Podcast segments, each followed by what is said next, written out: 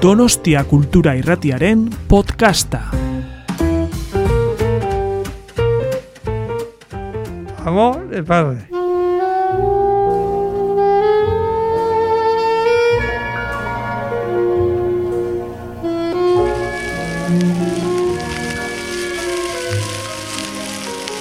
Era sábado santo por la tarde y la mesa ya estaba puesta. Mi mamá, mi hermana y yo esperábamos junto a la chimenea a que nuestra hija llegase. Había salido de casa muy temprano. Voy a comprar un cordero de yeso para adornar la mesa de Pascua. Y ya era de noche, pero aún no había llegado. Ama, ¿cuándo llega la Ita? Yo me muero de hambre. Estará al llegar, no os preocupéis. Y estaba en lo cierto.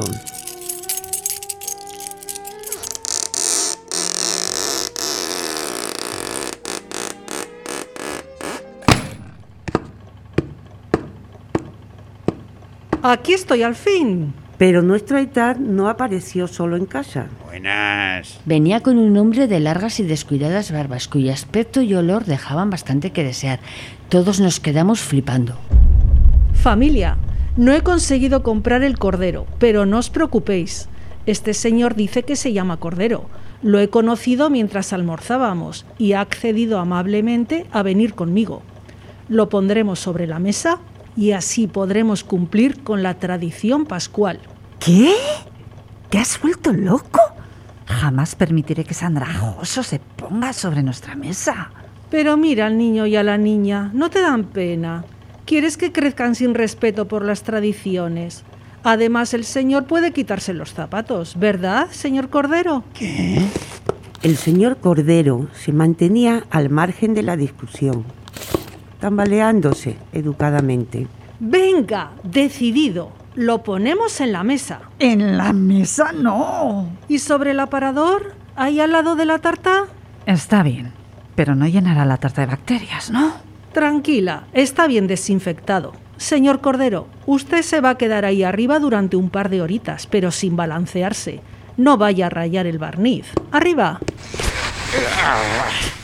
Y ahora los chiquis le adornarán para que quede bien bonito. Ya sabe, merecen unas fiestas tradicionales. Tras adornar al señor Cordero, nos sentamos a la mesa y tras desearnos buenas fiestas, nos pusimos a cenar.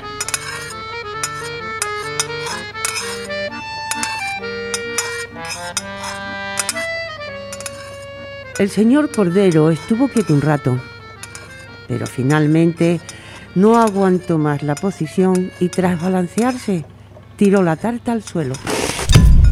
¡No! ¡La tarta! No se mueva. ¿Desde cuándo los corderos de Pascua tiran tartas?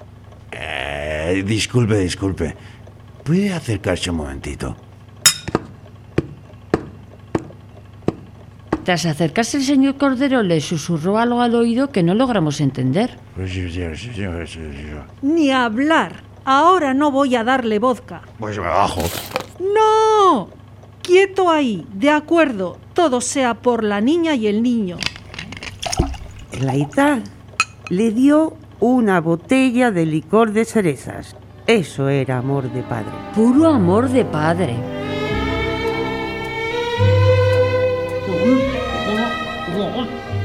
Al poco tiempo, el señor Cordero ya se había acabado la botella. Y volvió a interrumpir nuestra cena. Un poquito de vodka no habrá por ahí, ¿no? El Aitá, incrédulo y desesperado, se giró hacia él y le dijo: Resista un poco más, señor Cordero. Hágalo por los chiquis. Míreles. ¿Acaso no merecen tener una infancia luminosa?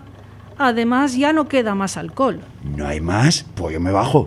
No, por favor, se lo suplico. Vuelva a subir, señor Cordero. Además, fíjese. Se acercó a nuestra Aitá, sacó su carnet de identidad y se lo mostró. No me llamo Cordero. Y ahí se lió la gorda. ¡Maldito sea!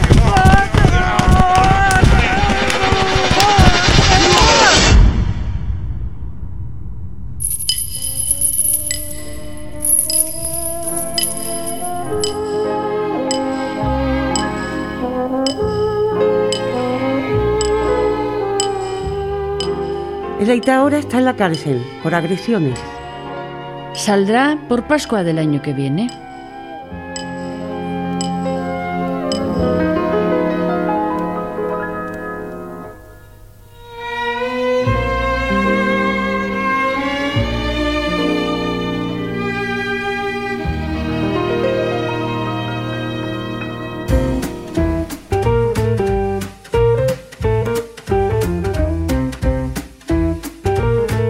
Donostia Kultura Irratiaren podcasta.